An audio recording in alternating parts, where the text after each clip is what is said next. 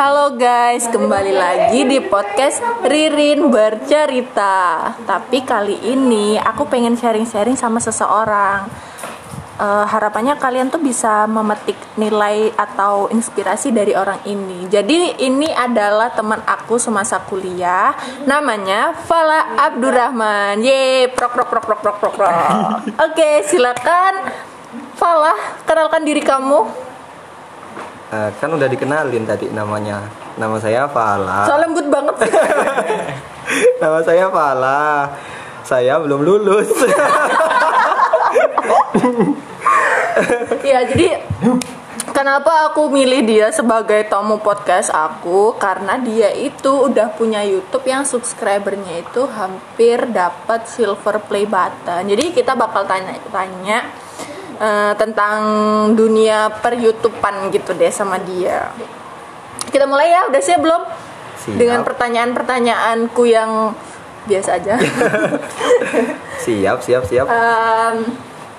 Ak- yang pertama-tama aku mau nanya, kamu kapan sih mulai YouTube-nya itu? Kalau mulai YouTube tuh udah lama banget ya. Jadi mulai 2016 mulai YouTube itu dan ya sampai sekarang 2016 berarti udah berapa tahun? 4 tahunan ya? udah ada empat tahun. Subscribernya udah berapa? Sekarang kalau sekarang udah 80.000 ribu. Wow, keren banget ya, friend.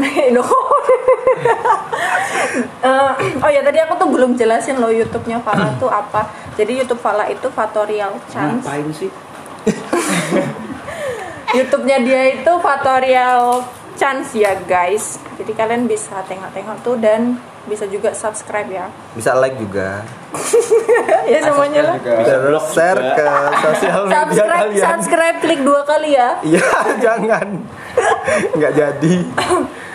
Eh, terus ada kalau sejauh ini tuh udah berapa sih? Eh jangan ya. Apa? Penghasilan gitu jangan ya. Jangan, jangan, ya, jangan. jangan ya. Jangan. Kamu penyuluh. Eh, suka dukanya deh, suka dukanya Bapak nikahin juga? dari 2016 gitu sampai karena Oh, kan waktu itu kayaknya YouTube ada peraturan baru gitu nggak sih? Iya, iya. Berapa? UMR? Jadi dulu waktu awal-awal YouTube itu untuk syarat monetas itu nggak nggak kayak sekarang ya susah harus 1000 subscriber terus 4000 jam tayang gitu. Kalau dulu itu masih enak untuk daftar AdSense itu jadi kita cukup punya video berapa video gitu saya lupa. Terus kita udah bisa daftarin ke AdSense. Nah, kebetulan YouTube saya itu ini apa namanya? keterima deh ke AdSense. Nah, terus tapi penontonnya masih sedikit banget, masih sedikit banget dan saya waktu itu posisinya masih sekolah jadi nggak fokus untuk buat buat kontennya dan kontennya pun masih bingung mau mau buat konten apa. Belum fokus gitu terus akhirnya ditinggalin sempat ditinggalin juga dan semangat lagi nge YouTube itu gara-gara ngeliat viewer salah satu video, Video. itu udah sampai kalau nggak salah pokoknya udah nyampe puluhan ribu gitu udah nyampe puluhan ribu nah baru lanjut lagi nge YouTube Jadi terpantik banget gitu. Iya, oh. Habis itu ada lagi cobaannya di YouTube itu Banyak coba. Iya jadi banyak banget cobaannya. Jadi buat kalian yang mau jadi youtuber itu enggak Dia bikin apa? enggak enggak semudah yang kalian bayangkan gitu. Apalagi Tapi kalau ya, kalian jelek.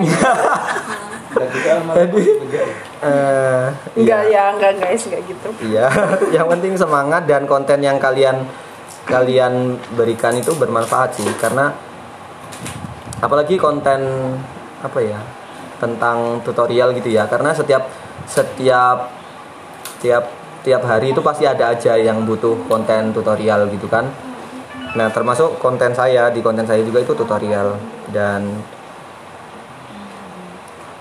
sampai mana dia Termasuk konten saya tutorial. Ah, ah, sampai termasuk konten saya tutorial terus eh, lanjut lagi suka dukanya ya Iya. suka dukanya oh Kalau dapat apa? Dapat gajian yang pertama kali itu setelah berapa tahun di YouTube? gajian pertama kali itu setelah dua tahun nggak nggak salah Berarti sekitar Dua tahun 2018. Ah, ah, 2018 itu Waktu waktu kamu jadi pengurus dong. Mm-mm. masih pokoknya Sebelum beli motor apa? Lu ini bawa-bawa.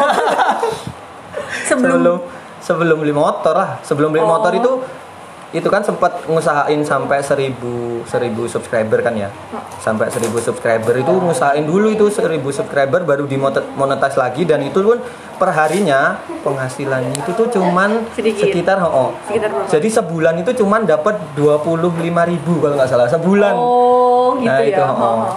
Itu mah dapat sedikit banget kan bayangin aja dan lan dan itu tapi tetap semangat kan tetap semangat nge YouTube dan pada akhirnya itu dapat 25.000 terkumpul sampai sejuta 300 nah itu baru bisa di Ambil. Oh, oh, baru bisa diambil.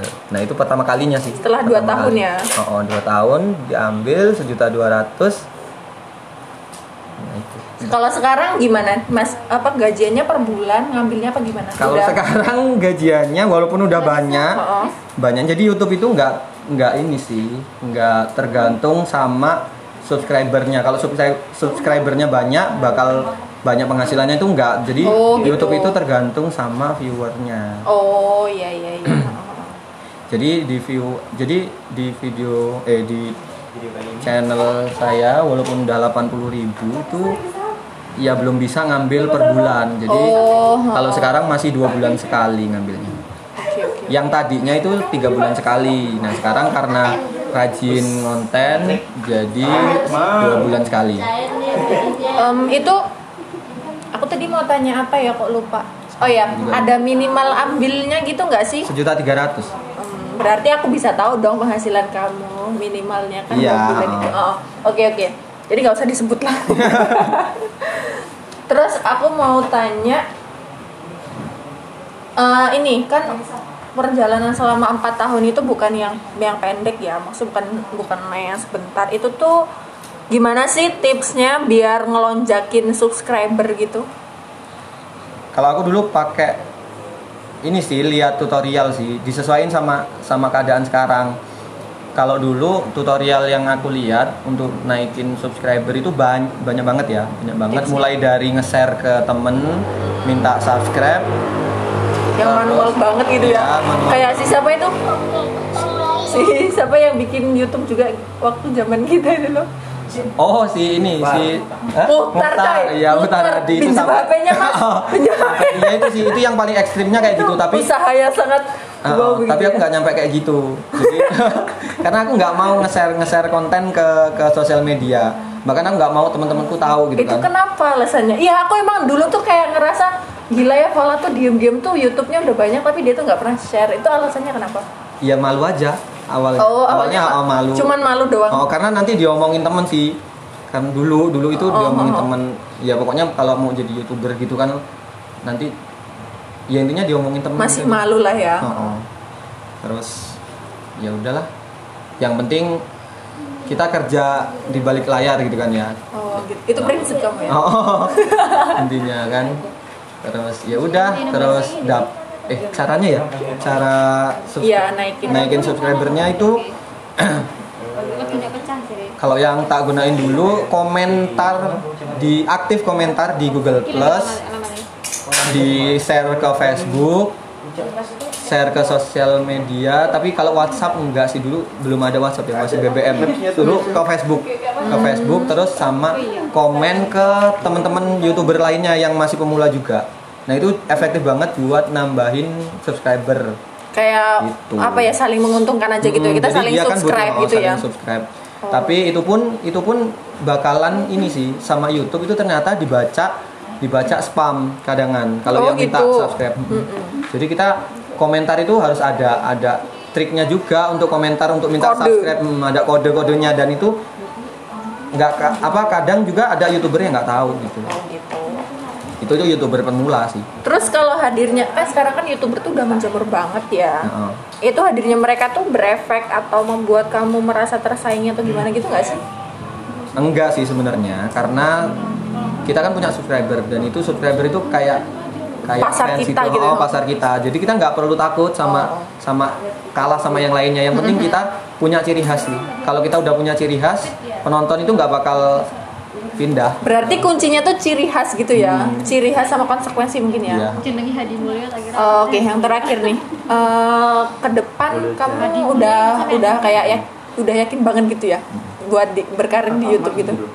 bahkan Apa? setelah setelah maksudnya terminal setelah lulus kuliah itu nggak ada pikiran untuk cari kerja Heeh. Gitu mau fokus aja ke YouTube Fokus ke konten. Ke YouTube, oh, Sampai karena- pacar kamu bikinin YouTube. juga. bukan gitu itu kemauan dia sendiri Oh, itu kemauan dia sendiri. Ah, ah. sampai masa dari Oke oke oke. Jadi ntar ini suami istri youtuber semua Iya. nih. Ya ini adalah relationship goals banget lah, marriage goals banget ya. Ya udah berarti eh, itu sih yang pengen aku tanyain. Semoga ini bisa menginspirasi teman-teman di luar sana yang dengerin podcast aku. Dan untuk yang terakhir banget ya, tadi aku udah bilang terakhir tapi ini terakhir banget. Pesen deh, pesen dari seorang Falah youtuber gitu. ya intinya uh, buat kalian para youtuber pemula yang pengen mulai itu intinya kalian punya ciri khas di channel kalian jadi jangan jangan sama Menjiplak ya. oh, jangan jiplak apa apalagi reupload konten lainnya. Karena kalian bakalan uh, YouTube kalian nggak bakal berkembang gitu aja sih. Terus apa ya? Uh, bakal ada jenuh jenuhnya waktu ngonten. Jadi kalian harus ini sih lebih enak lagi kalau punya punya apa? Punya tim. Ketika kita punya bangun channel itu enak lagi kita punya tim. Karena uh, idenya itu nggak cuma dari di- diri kita sendiri gitu loh selain itu kan kita kalau ngajak temen kita juga bisa bagi-bagi kerjaan sama mereka dan nambahin penghasilan buat mereka juga jadi nggak untuk kita aja Udah. udah Oke, itu tadi pemaparan iya kayak materi dong. Eh, semoga bisa menginspirasi teman-teman sharing singkat bersama Fala, seorang youtuber. Eh, apa lagi ya? Ya udah sih. udah Bye. bye